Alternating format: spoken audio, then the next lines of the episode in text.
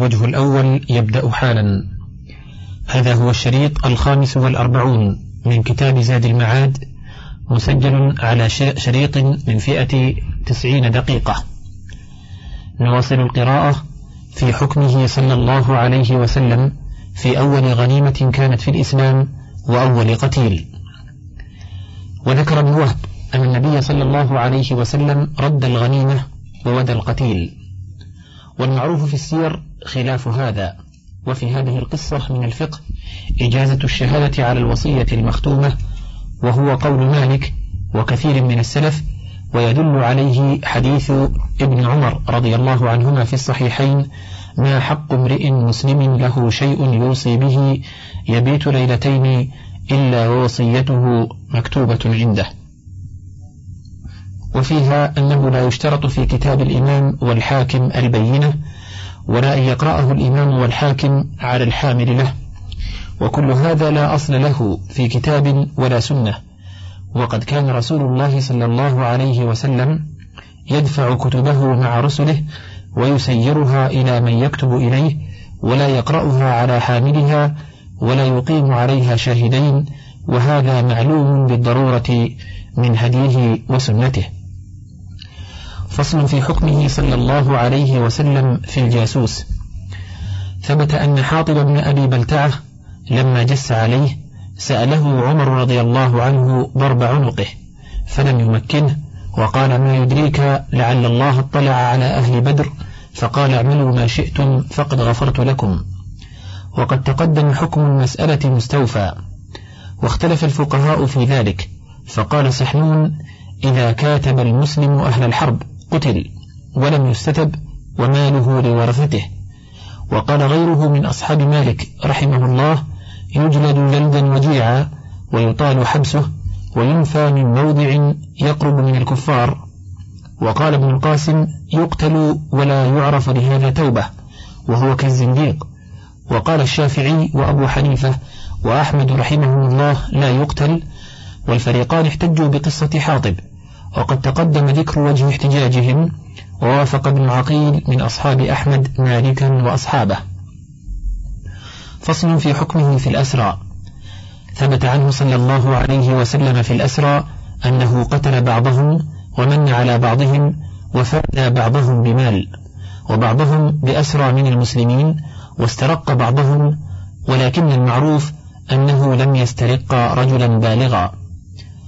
فقتل يوم بدر من الأسرى عقبة بن أبي معيط والنضر بن الحارث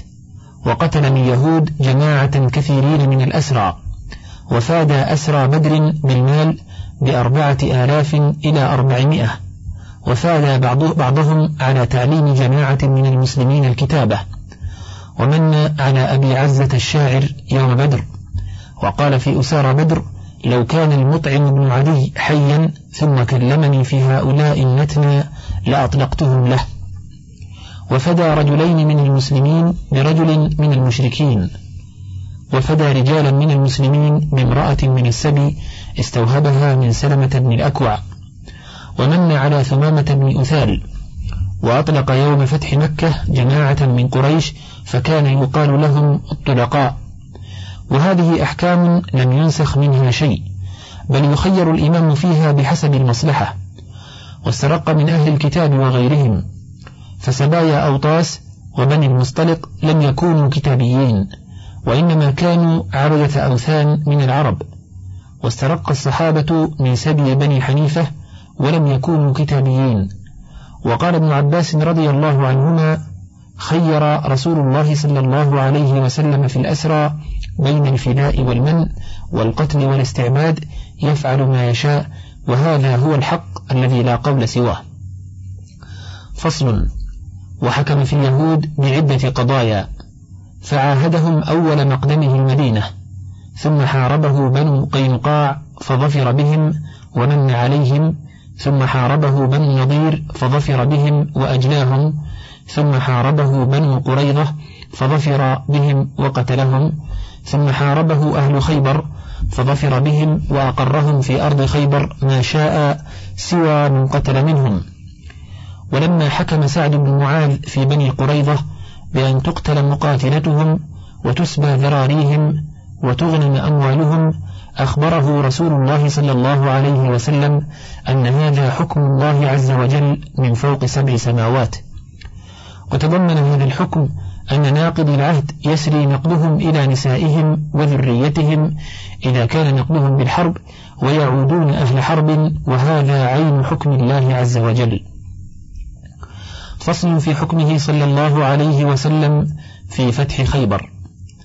حكم يومئذ بإقرار يهود فيما على شطر ما يخرج منها من ثمر أو زرع وحكم بقتل ابني ابن الحقيق لما نقضوا الصلح بينهم وبينه على أن لا يكتموا ولا يغيبوا شيئا من أموالهم فكتموا وغيبوا وحكم بعقوبة المتهم بتغييب المال حتى أقر به وقد تقدم ذلك مستوفا في غزوة خيبر وكانت لأهل الحديبية خاصة ولم يغب عنها إلا جابر بن عبد الله فقسم له رسول الله صلى الله عليه وسلم سهمه فصل في حكمه صلى الله عليه وسلم في فتح مكة حكم بأن من أغلق بابه أو دخل دار أبي سفيان أو دخل المسجد أو وضع السلاح فهو آمن وحكم بقتل نفر ستة منهم مقيس ابن صبابة وابن خطل ومغنيتان كانتا تغنيان بهجائه وحكم بأنه لا يجهز على جريح ولا يتبع مدبر ولا يقتل أسير ذكره أبو عبيد في الأموال وحكم لخزاعة أن يبذلوا سيوفهم في بني بكر إلى صلاة العصر ثم قال لهم يا معشر خزاعة ارفعوا أيديكم عن القتل فصل في حكمه صلى الله عليه وسلم في قسمة الغنائم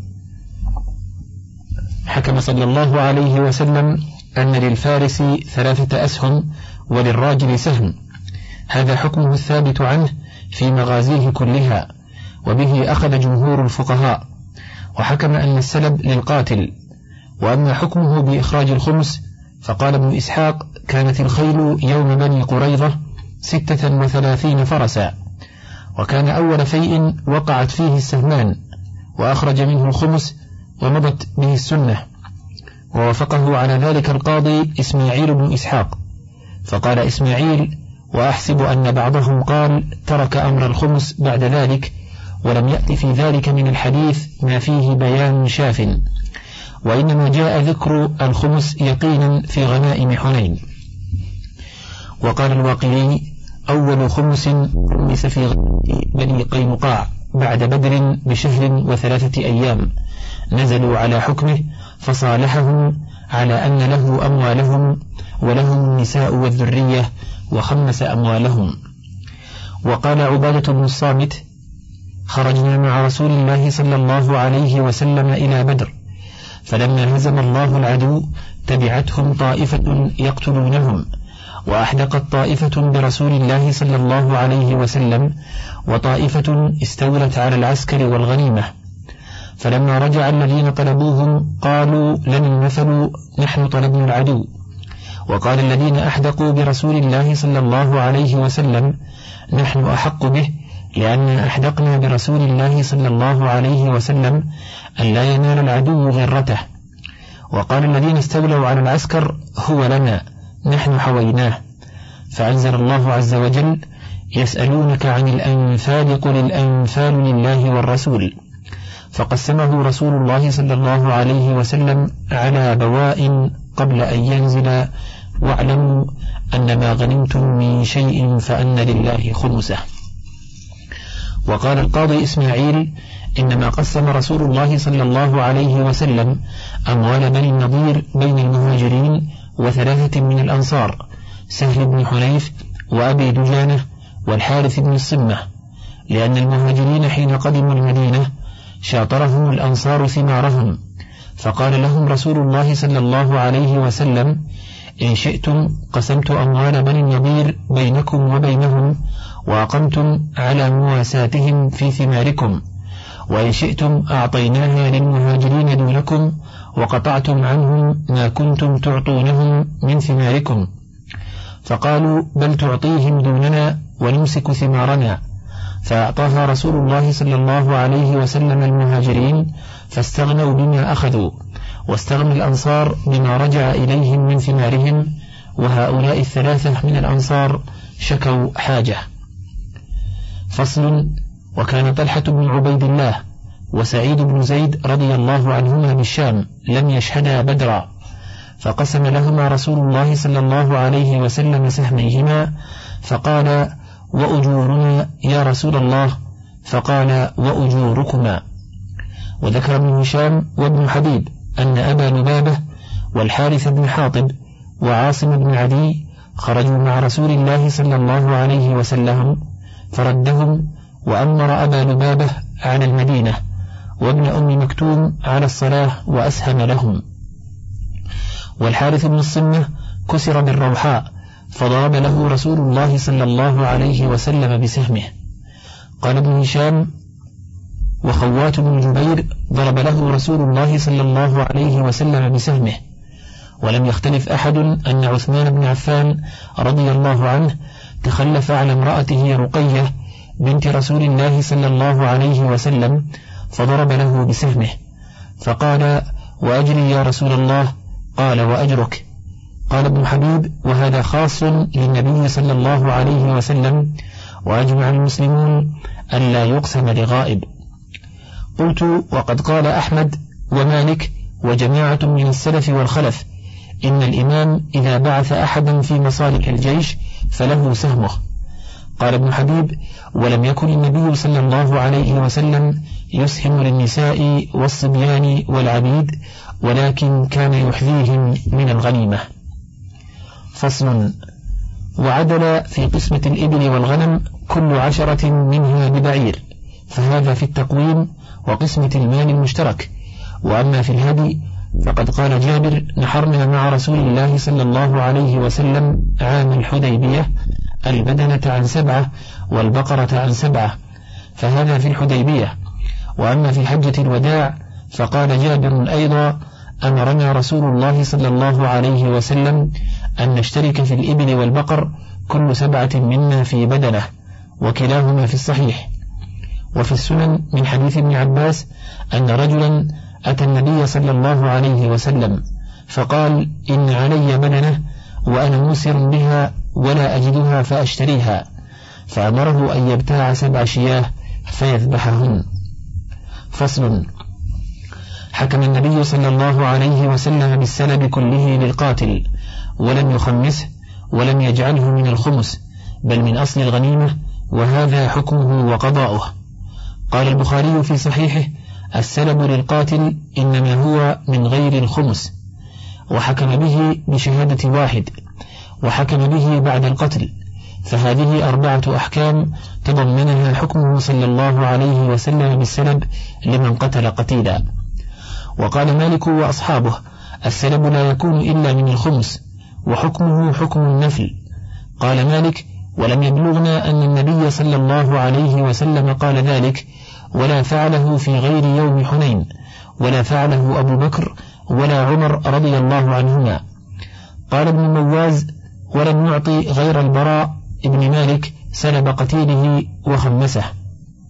قال أصحابه قال الله تعالى واعلموا أن ما غنمتم من شيء فأن لله خمسه فجعل أربعة أخماس الغنيمة لمن غنمها فلا يجوز أن يؤخذ شيء مما جعله الله لهم من احتمال وأيضا فلو كانت هذه الآية إنما هي في غير الأسباب لم يؤخر النبي صلى الله عليه وسلم حكمها إلى حنين وقد نزلت في قصة بدر وأيضا إنما قال من قتل قتيلا فله سلبه بعد أن ورد القتال ولو كان أمرا متقدما لعلمه أبو قتاده فارس رسول الله صلى الله عليه وسلم وأحد أكابر الصحابة وهو لم يطلبه حتى سمع منادي رسول الله صلى الله عليه وسلم يقول ذلك قالوا وأيضا فالنبي صلى الله عليه وسلم أعطاه إياه بشهادة واحد بلا يمين فلو كان من رأس الغنيمة لم يخرج حق مغنم إلا بما تخرج به الأملاك من البينات أو شاهد بيمين قالوا وأيضا فلو وجب للقاتل ولم يجد بينة لكان يوقف كاللقطة ولا يقسم وهو إذا لم تكن بينة يقسم فخرج من معنى الملك ودل على أنه إلى اجتهاد الإمام يجعله من الخمس الذي يجعل في غيره هذا مجموع محتج به لهذا القول قال الآخرون قد قال ذلك رسول الله صلى الله عليه وسلم وفعله قبل حنين بستة أعوام فذكر البخاري في صحيحه أن معاذ بن عمرو بن جموح ومعاذ بن عفراء الأنصاريين ضرب أبا جهل بن هشام يوم بدر بسيفيهما حتى قتلاه فانصرف إلى رسول الله صلى الله عليه وسلم فأخبراه فقال أيكما قتله فقال كل واحد منهما أنا قتلته فقال هل مسحتما سيفيكما قال لا فنظر إلى السيفين فقال كلاكما قتله وسلبه لمعاذ بن عمرو بن الجموح وهذا يدل على أن كون السلب للقاتل أمر مقرر معلوم من أول الأمر وإنما تجدد يوم حنين الإعلام العام والمنادات به لا شرعيته وأما قول ابن المواز إن أبا بكر وعمر لم يفعلاه فجوابه من وجهين أحدهما أن هذا شهادة على النفي فلا تسمع الثاني أنه يجوز أن يكون ترك المنادات بذلك على عهدهما اكتفاء بما تقرر وثبت من حكم رسول الله صلى الله عليه وسلم وقضائه حتى لو صح عنهما ترك ذلك تركا صحيحا لاحتمال فيه لم يقدم على حكم رسول الله صلى الله عليه وسلم وأما قوله ولم يعطي غير البراء بن مالك سبب قتيله فقد أعطى السلب لسلمة بن الأكوع ولمعاذ بن عمرو أبي طلحة الأنصاري قتل عشرين يوم حنين فأخذ أسلابهم وهذه كلها وقائع صحيحة معظمها في الصحيح فالشهادة على النفي لا تكاد تسلم من النقد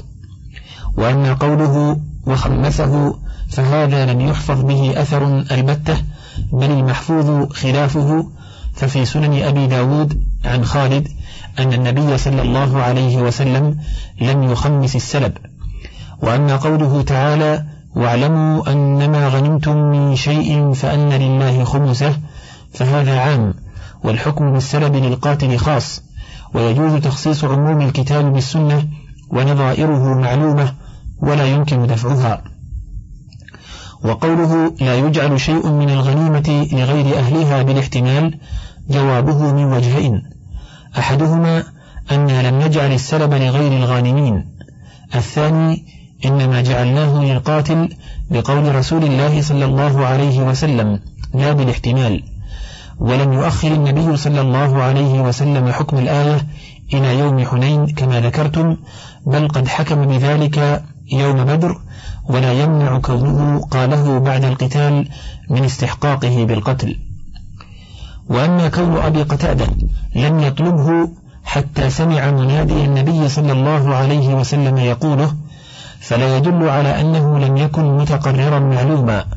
وإنما سكت عنه أبو قتادة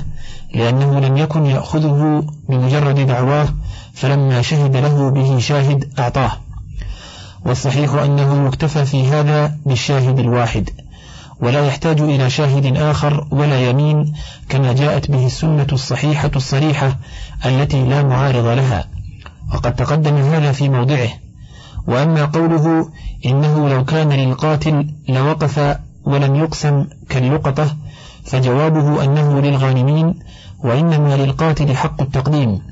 فإذا لم تعلم عين القاتل اشترك فيه الغانمون فإنه حقهم ولم يظهر مستحق التقديم منهم فاشتركوا فيه فصل في حكمه صلى الله عليه وسلم فيما حازه المشركون من أموال المسلمين ثم ظهر عليه المسلمون أو أسلم عليه المشركون في البخاري أن فرسا لابن عمر رضي الله عنه ذهب وأخذه العدو فظهر عليه المسلمون فرد عليه في زمن رسول الله صلى الله عليه وسلم وأبقى له عبد فلحق بالروم فظهر عليه المسلمون فرده عليه خالد في زمن أبي بكر رضي الله عنه وفي سنن أبي داود أن رسول الله صلى الله عليه وسلم هو الذي رد عليه الغلام وفي المدونة والواضحة أن رجلا من المسلمين وجد بعيرا له في المغانم فقال له رسول الله صلى الله عليه وسلم إن وجدته لم يقسم فخذه وإن وجدته قد قسم فأنت أحق به بالثمن إن أردته وصح عنه أن المهاجرين طلبوا منه دورهم يوم الفتح بمكة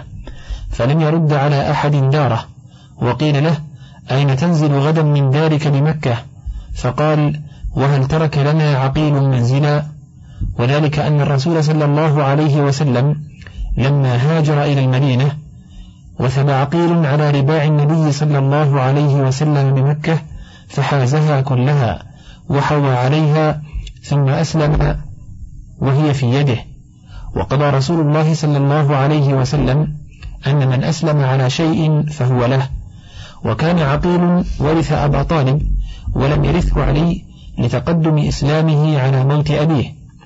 ولم يكن لرسول الله صلى الله عليه وسلم ميراث من عبد المطلب فإن أباه عبد الله مات وأبوه عبد المطلب حي ثم مات عبد المطلب فورثه أولاده وهم أعمام النبي صلى الله عليه وسلم ومات أكثر أولاده ولم يعقبوا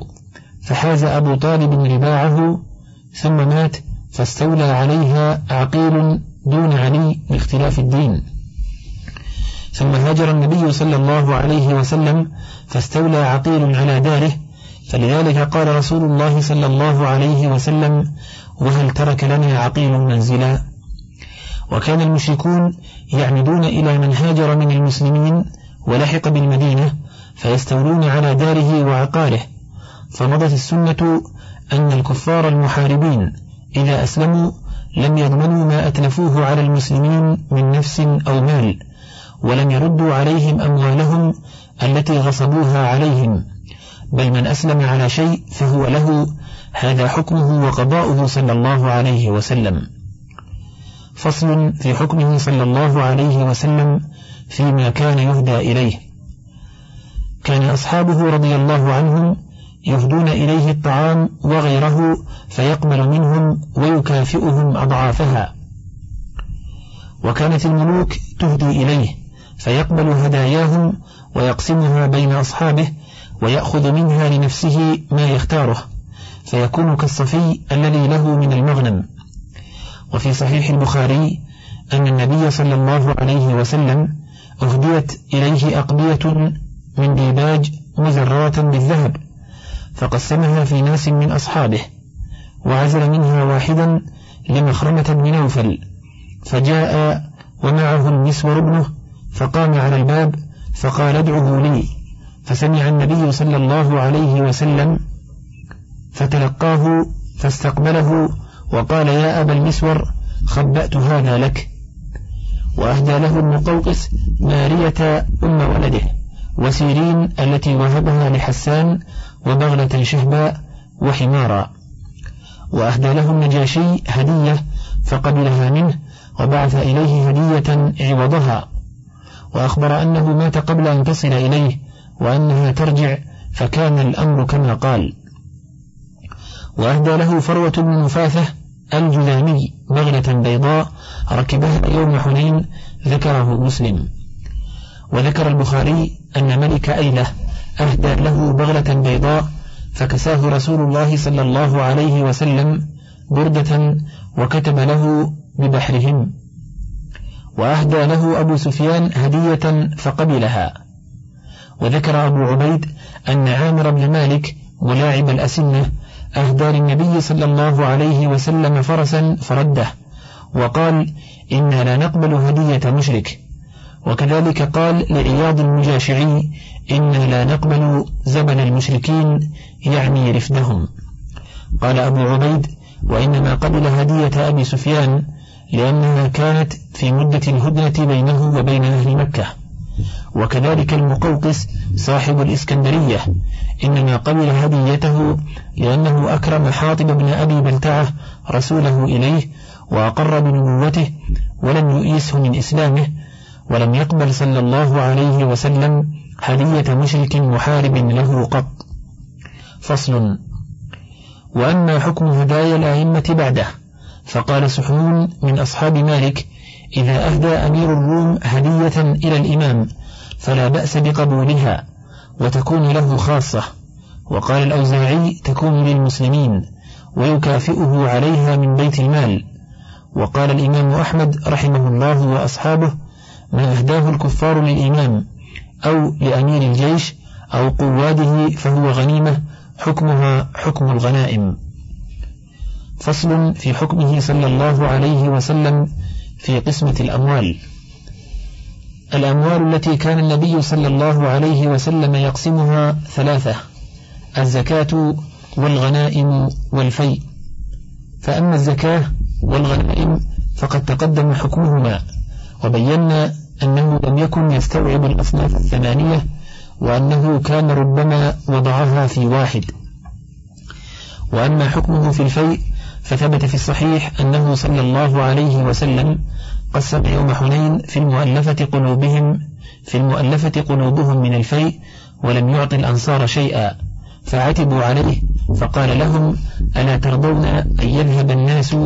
بالشاء والبعير وتنطلقون برسول الله صلى الله عليه وسلم تقودونه إلى رحالكم فوالله لما تنقلبون به خير مما ينقلبون به وقد تقدم ذكر القصة وفوائدها في موضعها والقصة هنا أن الله سبحانه أباح لرسوله من الحكم في مال الفيء ما لم يبحه لغيره وفي الصحيح عنه صلى الله عليه وسلم إني لأعطي أقواما وأدع غيرهم والذي أدع أحب إلي من الذي أعطي وفي الصحيح عنه إني لأعطي أقواما أخاف ضلعهم وجزعهم وأكلوا أقواما إلى ما جعل الله في قلوبهم من الغنى والخير منهم عمرو بن تغلب قال عمرو بن تغلب فما أحب أن لي بكلمة رسول الله صلى الله عليه وسلم حمر النعم وفي الصحيح أن عليا بعث إليه بذهيبة من اليمن فقسمها أرباعا فأعطى الأقرع بن حابس وأعطى زيد الخيل وأعطى علقمة بن علاثة وعيينة بن حصن فقام إليه رجل غائر العينين ناتئ الجبهة كث اللحية محلوق الرأس فقال يا رسول الله اتق الله فقال رسول الله صلى الله عليه وسلم ويلك أولست أحق أهل الأرض أن يتقي الله الحديث وفي السنن أن رسول الله صلى الله عليه وسلم وضع سهم ذي القربى في بني هاشم وفي بني المطلب وترك بني نوفل وبني عبد شمس فانطلق جبير بن مطعم وعثمان بن عفان إليه فقال يا رسول الله لا ننكر فضل بني هاشم لموضعهم منك فما بال إخواننا بني عبد المطلب أعطيتهم وتركتنا وإنما نحن وهم بمنزلة واحدة فقال النبي صلى الله عليه وسلم إنا وبنو المطلب لا نفترق في جاهلية ولا إسلام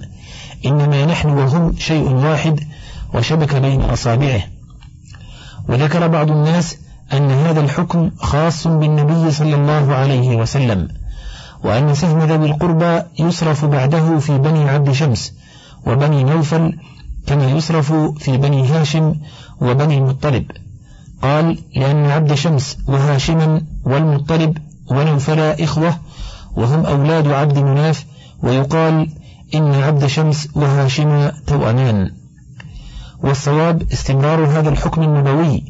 وأن سهم ذوي القربى لبني هاشم وبني المطلب حيث خصه رسول الله صلى الله عليه وسلم بهم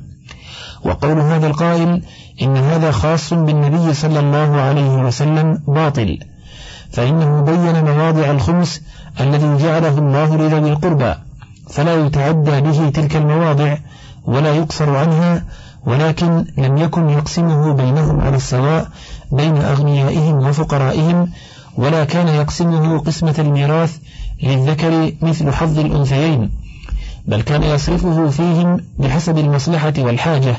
فيزوج منه عزبهم ويقضي منه عن غارمهم ويعطي منه فقيرهم كفايته وفي سنن أبي داود عن علي بن أبي طالب رضي الله عنه قال ولاني رسول الله صلى الله عليه وسلم خمس الخمس فوضعته مواضعه حياة رسول الله صلى الله عليه وسلم وحياة أبي بكر رضي الله عنه وحياة عمر رضي الله عنه وقد استدل به على أنه كان يصرف في مصارفه الخمسة ولا يقوى هذا الاستدلال إذ غاية ما فيه أنه صرفه في مصارفه التي كان رسول الله صلى الله عليه وسلم يصرفه فيها ولم يعدها إلى سواها فأين تعميم الأصناف الخمسة به والذي يدل عليه هدي رسول الله صلى الله عليه وسلم وأحكامه أنه كان يجعل مصارف الخمس كمصارف الزكاة ولا يخرج بها عن الأصناف المذكورة لأنه يقسمه بينهم كقسمة الميراث ومن تأمل سيرته وهديه حق التأمل لم يشك في ذلك وفي الصحيحين عن عمر بن الخطاب رضي الله عنه قال كانت أموال بني النضير مما أفاء الله على رسوله مما لم يوجف المسلمون عليه بخير ولا ركاب فكانت لرسول الله صلى الله عليه وسلم خاصة ينفق منها على أهله نفقة سنة وفي لفظ يحبس لأهله قوت سنتهم ويجعل ما بقي في الكراع والسلاح عدة في سبيل الله وفي السنن عن عوف بن مالك رضي الله عنه قال كان رسول الله صلى الله عليه وسلم إذا أتاه الفيء قسمه من يومه فأعطى الآهل حظين وأعطى العزب حظا فهذا تفضيل منه للآهل بحسب المصلحة والحاجة وإن لم تكن زوجه من ذوي القربى وقد اختلف الفقهاء في الفيء هل كان ملكا لرسول الله صلى الله عليه وسلم يتصرف فيه كيف يشاء أو لم يكن ملكا له على قولين في مذهب أحمد وغيره والذي تدل عليه سنته وهديه أنه كان يتصرف فيه بالأمر فيضعه حيث أمره الله ويقسمه على من أمر بقسمته عليهم فلم يكن يتصرف فيه تصرف المالك بشهوته وإرادته يعطي من أحب ويمنع من أحب وإنما كان يتصرف فيه تصرف العبد المأمور ينفذ ما أمره به سيده ومولاه فيعطي من أمر بإعطائه ويمنع من أمر بمنعه وقد صرح رسول الله صلى الله عليه وسلم بهذا فقال والله إني لا أعطي أحدا ولا أمنعه إنما أنا قاسم أضع حيث أمرت فكان عطاؤه ومنعه وقسمه بمجرد الأمر فإن الله سبحانه خيره بين أن يكون عبدا رسولا وبين أن يكون ملكا رسولا فاختار أن يكون عبدا رسولا والفرق بينهما أن العبد الرسول لا يتصرف إلا بأمر سيده ومرسله والملك الرسول له أن يعطي من يشاء ويمنع من يشاء كما قال تعالى للملك يعني الرسول سليمان هذا عطاؤنا فمن أو أمسك بغير حساب أي أعط من شئت وامنع من شئت لا نحاسبك وهذه المرتبة هي التي عرضت على نبينا صلى الله عليه وسلم فرغب عنها إلى ما هو أعلى منها وهي مرتبة العبودية المحضة التي تصرف صاحبها فيها مقصور على أمر السيد في كل دقيق وجليل والمقصود أن تصرفه في الفيء بهذه المثابة فهو ملك يخالف حكم غيره ملك يخالف حكم غيره من المالكين ولهذا كان ينفق مما أفاء الله عليه مما لم يوجف المسلمون عليه بخير ولا ركاب على نفسه وأهله نفقة سنتهم ويجعل الباقي في الكراع والسلاح عدة في سبيل الله عز وجل وهذا النوع من الأموال هو السهم الذي وقع بعده فيه النزاع من النزاع ما وقع إلى اليوم فأما الزكوات والغنائم وقسمة المواريث فإنها معينة لأهلها لا يشركهم غيرهم فيها فلم يشكل على ولاة الأمر بعده من أمرها ما أشكل عليهم من الفيء ولم يقع فيها من النزاع ما وقع فيه ولولا إشكال أمره عليهم لما طلبت فاطمة بنت رسول الله صلى الله عليه وسلم ميراثها من تركته وظنت أنه يورث عنه ما كان ملكا له كسائر المالكين وخفي عليها رضي الله عنها حقيقة الملك الذي ليس مما يورث عنه بل هو صدقة بعده ولما علم ذلك خليفته الراشد البار الصديق ومن بعده من الخلفاء الراشدين لم يجعلوا ما خلفه من الفيء ميراثا يقسم بين ورثته بل دفعوه إلى علي والعباس يعملان فيه عمل رسول الله صلى الله عليه وسلم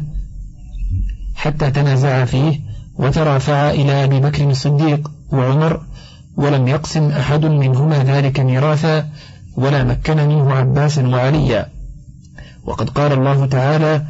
ما أفاء الله على رسوله من أهل القرى فلله وللرسول ولذي القربى واليتامى والمساكين وابن السبيل كي لا يكون دولة بين الأغنياء منكم وما آتاكم الرسول فخذوه وما نهاكم عنه فانتهوا واتقوا الله إن الله شديد العقاب للفقراء المهاجرين الذين أخرجوا من ديارهم وأموالهم يبتغون فضلا من الله ورضوانا وينصرون الله ورسوله أولئك هم الصادقون والذين تبوأوا الدار والإيمان من قبلهم يحبون من هاجر إليهم إلى قوله والذين جاءوا من بعدهم إلى آخر الآية فأخبر سبحانه أن ما أفاء على رسوله بجملته لمن ذكر في هذه الآيات ولم يخص منه خمسه بالمذكورين بل عمم وأطلق واستوعب ويصرف على المصارف الخاصة وهم أهل القمس ثم على المصارف العامة وهم المهاجرون والأنصار وأتباعهم إلى يوم الدين فالذي عمل به هو وخلفاؤه الراشدون هو المراد من هذه الآيات ولذلك قال عمر بن الخطاب رضي الله عنه فيما رواه أحمد رحمه الله وغيره عنه ما أحد أحق بهذا المال من أحد وما أنا أحق به من أحد والله ما من المسلمين أحد إلا وله في هذا المال نصيب إلا عبد مملوك ولكنا على منازلنا من كتاب الله وقسمنا مع رسول الله صلى الله عليه وسلم فالرجل وبلاؤه في الإسلام والرجل وقدمه في الإسلام والرجل وغناؤه في الإسلام والرجل وحاجته ووالله لئن بقيت لهم ليأتين الراعي بجبل صنعاء حظه من هذا المال وهو يرعى مكانه فهؤلاء المسمون في آية الفيء هم المسمون في آية الخمس ولم يدخل المهاجرون والأنصار وأتباعهم في آية الخمس لأنهم المستحقون لجنة الفيء وأهل الخمس لهم استحقاقان استحقاق خاص من الخمس واستحقاق عام من جملة الفيء فإنهم داخلون في النصيبين وكما أن قسمته من جملة الفيء بين من جعل له ليس قسمة الأملاك التي يشترك فيها المالكون كقسمة المواريث والوصايا والأملاك المطلقة بل بحسب الحاجة والنفع والغناء في الإسلام والبلاء فيه فكذلك قسمة الخمس في أهله فإن مخرجهما واحد في كتاب الله والتنصيص على الأصناف الخمسة يفيد تحقيق إدخالهم وأنهم لا يخرجون من أهل الفيء بحال وأن الخمس لا يعدوهم إلى غيرهم كأصناف الزكاة لا تعدوهم إلى غيرهم كما أن الفيء العام في آية الحشر للمذكورين فيها لا يتعداهم إلى غيرهم ولهذا أفتى أئمة الإسلام كمالك والإمام أحمد وغيرهما أن الرافضة لا حق لهم في الفيء لأنهم ليسوا من المهاجرين ولا من الأنصار ولا من الذين جاءوا من بعدهم يقولون ربنا اغفر لنا ولإخواننا الذين سبقونا بالإيمان وهذا مذهب أهل المدينة واختيار شيخ الإسلام ابن تيمية وعليه يدل القرآن وفعل رسول الله صلى الله عليه وسلم وخلفائه الراشدين وقد اختلف الناس في آية الزكاة وآية الخمس فقال الشافعي تجب قسمة الزكاة والخمس على الأصناف كلها ويعطي من كل صنف من يطلق عليه اسم الجمع وقال مالك رحمه الله وأهل المدينة بل يعطي في الأصناف المذكورة فيهما ولا يعدوهم إلى غيرهم ولا تجب قسمة الزكاة ولا الفيء في جميعهم وقال الإمام أحمد وأبو حنيفة بقول مالك رحمه الله في آية الزكاة وبقول الشافعي رحمه الله في آية الخمس ومن تأمل النصوص وعمل رسول الله صلى الله عليه وسلم وخلفائه وجده يدل على قول أهل المدينة فإن الله سبحانه جعل أهل الخمس هم أهل الفيء وعينهم اهتماما بشأنهم وتقديما لهم ولما كانت الغنائم خاصة بأهلهم بأهلها لا يشكهم فيما سواهم نص على خمسها لأهل الخمس ولما كان الفيء لا يختص بأحد دون أحد جعل جملته لهم وللمهاجرين والأنصار وتابعيهم فسوى بين الخمس وبين الفيء في المصرف وكان رسول الله صلى الله عليه وسلم يصرف سهم الله وسهمه في مصالح الإسلام وأربعة أخماس الخمس في أهلها مقدما للأهم فالأهم والأحوج فالأحوج فيزوج منه عزابهم ويقضي منه ديونهم ويجيء ذا الحاجة منهم ويعطي عزبهم حظا ومتزوجهم حظين ولم يكن هو ولا أحد من خلفائه يجمعون اليتامى والمساكين وأبناء السبيل وذوي القربى ويقسمون أربعة أخماس الفيء بينهم على السوية ولا على التفضيل كما لم يكونوا يفعلون ذلك في الزكاة فهذا هديه وسيرته وهو فصل الخطاب ومحض الصواب فصل في حكمه صلى الله عليه وسلم في الوفاء بالعهد لعدوه وفي رسلهم أن لا يقتلوا ولا يحبسوا وفي النبذ إلى من عاهده على سواء إذا خاف منه نقض العهد ثبت عنه أنه قال لرسول مسيلمة الكذاب لما قال نقول إنه رسول الله لولا أن الرسل لا تقتل لقتلتكما وثبت عنه أنه قال لأبي رافع وقد أرسلته إليه قريش فأراد المقام عنده وأنه لا يرجع إليهم فقال إني لا أخيس بالعهد ولا أحبس البرد ولكن ارجع إلى قومك فإن كان في نفسك الذي فيه الآن فارجع وثبت عنه أنه رد إليهم أبا جندل للعهد الذي كان بينه وبينهم أن يرد إليهم أن يرد إليهم من جاءه منه مسلم ولم يرد النساء وجاءت سبيعة الأسلمية مسلمة فخرج زوجها في طلبها فأنزل الله عز وجل يا أيها الذين آمنوا إذا جاءكم المؤمنات مهاجرات فامتحنوهن الله أعلم بإيمانهن فإن علمتموهن مؤمنات فلا ترجعوهن إلى الكفار الآية فاستكلفها رسول الله صلى الله عليه وسلم أنه لم يخرجها إلا الرغبة في الإسلام وأنها لم تخرج لحدث أحدثته في قومها ولا بغضا لزوجها فحلفت فأعطى رسول الله صلى الله عليه وسلم زوجها مهرها ولم يردها عليه فهذا حكمه الموافق لحكم الله ولم يجئ شيء بنسخه البتة ومن زعم أنه منسوخ فليس بيده إلا الدعوة المجردة وقد تقدم بيان ذلك في قصة الحديبية وقال تعالى وإما تخافن من قوم خيانة فانبذ إليهم على سواء إن الله لا يحب الخائنين وقال صلى الله عليه وسلم من كان بينه وبين قوم عهد فلا يحلن عقدا ولا يشدنه حتى يمضي أمده أو ينبذ إليهم على سواء قال الترمذي حديث حسن صحيح ولما أسقط قريش حذيفة بن اليمان وأباه أطلقوهما وعاهدوهما ألا يقاتلاهم مع رسول الله صلى الله عليه وسلم وكانا خارجين إلى بدر فقال رسول الله صلى الله عليه وسلم انصرف نفي لهم بعهدهم ونستعين الله عليهم فصل في حكمه صلى الله عليه وسلم في الأمان الصادر من الرجال والنساء ثبت عنه صلى الله عليه وسلم أنه قال المسلمون تتكافأ دماؤهم ويسعى بذمتهم أدناهم وثبت عنه أنه أجار رجلين أجارتهما أم هانئ ابنة عمه وثبت عنه أنه أجار أبا العاص ابن الربيع لما أجارته ابنته زينب